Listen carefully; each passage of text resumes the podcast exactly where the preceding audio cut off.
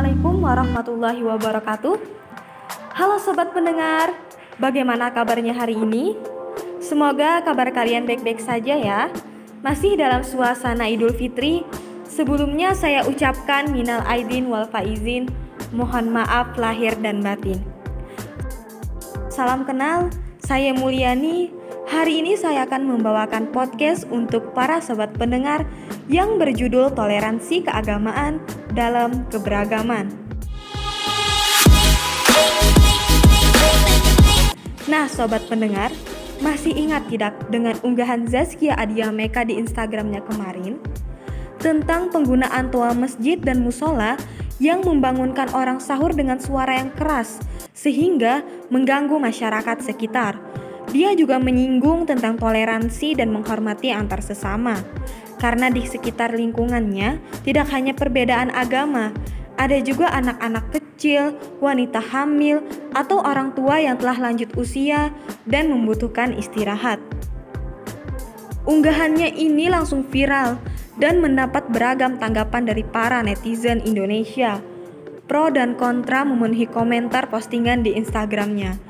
Dari beberapa komentar netizen yang dapat disimpulkan, netizen Indonesia memberikan tanggapan jika semua orang, tempat, dan bahkan tradisi memiliki cara yang berbeda untuk membangunkan saat sahur.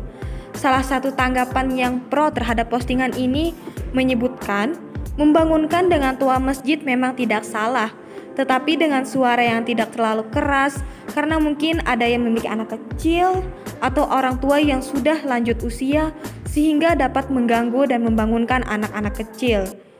Tetapi, sebenarnya aturan itu sudah tertuang dalam instruksi Dirjen Bimas Islam nomor Cap garis miring D garis miring 101 garis miring 1978 tentang tuntunan penggunaan pengeras suara di masjid, langgar, dan musola dijelaskan dalam aturan dari segi positif maupun negatif. Di mana sisi positifnya membangunkan dengan tua masjid atau musola dapat membantu orang-orang bangun sahur tepat sebelum imsak. Tetapi sisi negatifnya, jika digunakan dengan suara yang terlalu nyaring, dapat mengganggu orang lain yang sedang beristirahat atau melakukan acara keagamaan lainnya. Aturan tersebut juga berbicara soal menghormati tetangga saat memakai pengeras suara yang berbunyi dari beberapa ayat Al-Quran, terutama tentang kewajiban menghormati jiran atau tetangga.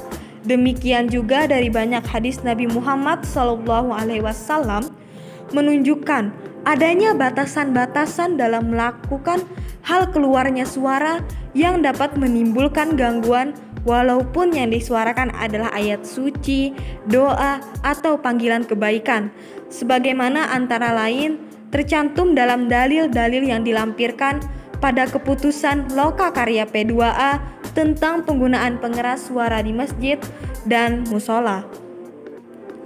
Nah, sobat pendengar, hal ini bahkan sudah ditetapkan oleh pihak pemerintah agar kita dapat menjalankan Ramadan sesuai tradisi kita namun tetap menjaga batasan tanpa mengganggu orang lain.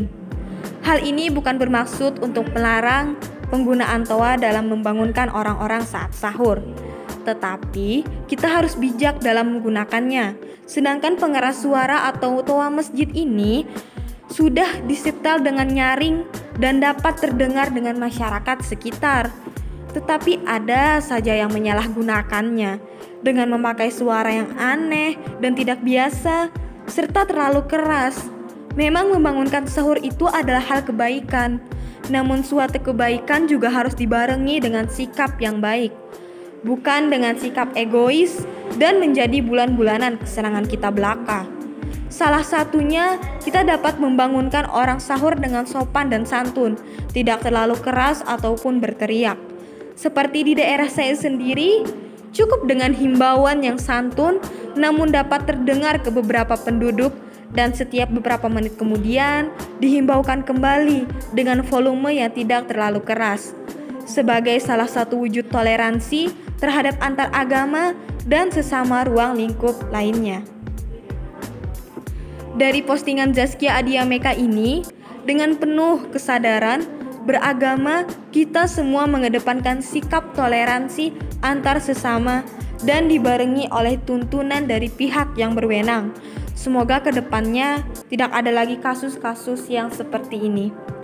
Semoga apa yang saya sampaikan di podcast kali ini menjadi kesadaran kita untuk bersikap toleransi, tidak hanya paham akan toleransi.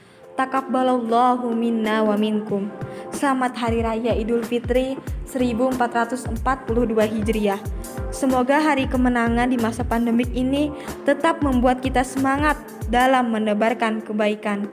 Saya Mulyani pamit undur diri. Wassalamualaikum warahmatullahi wabarakatuh.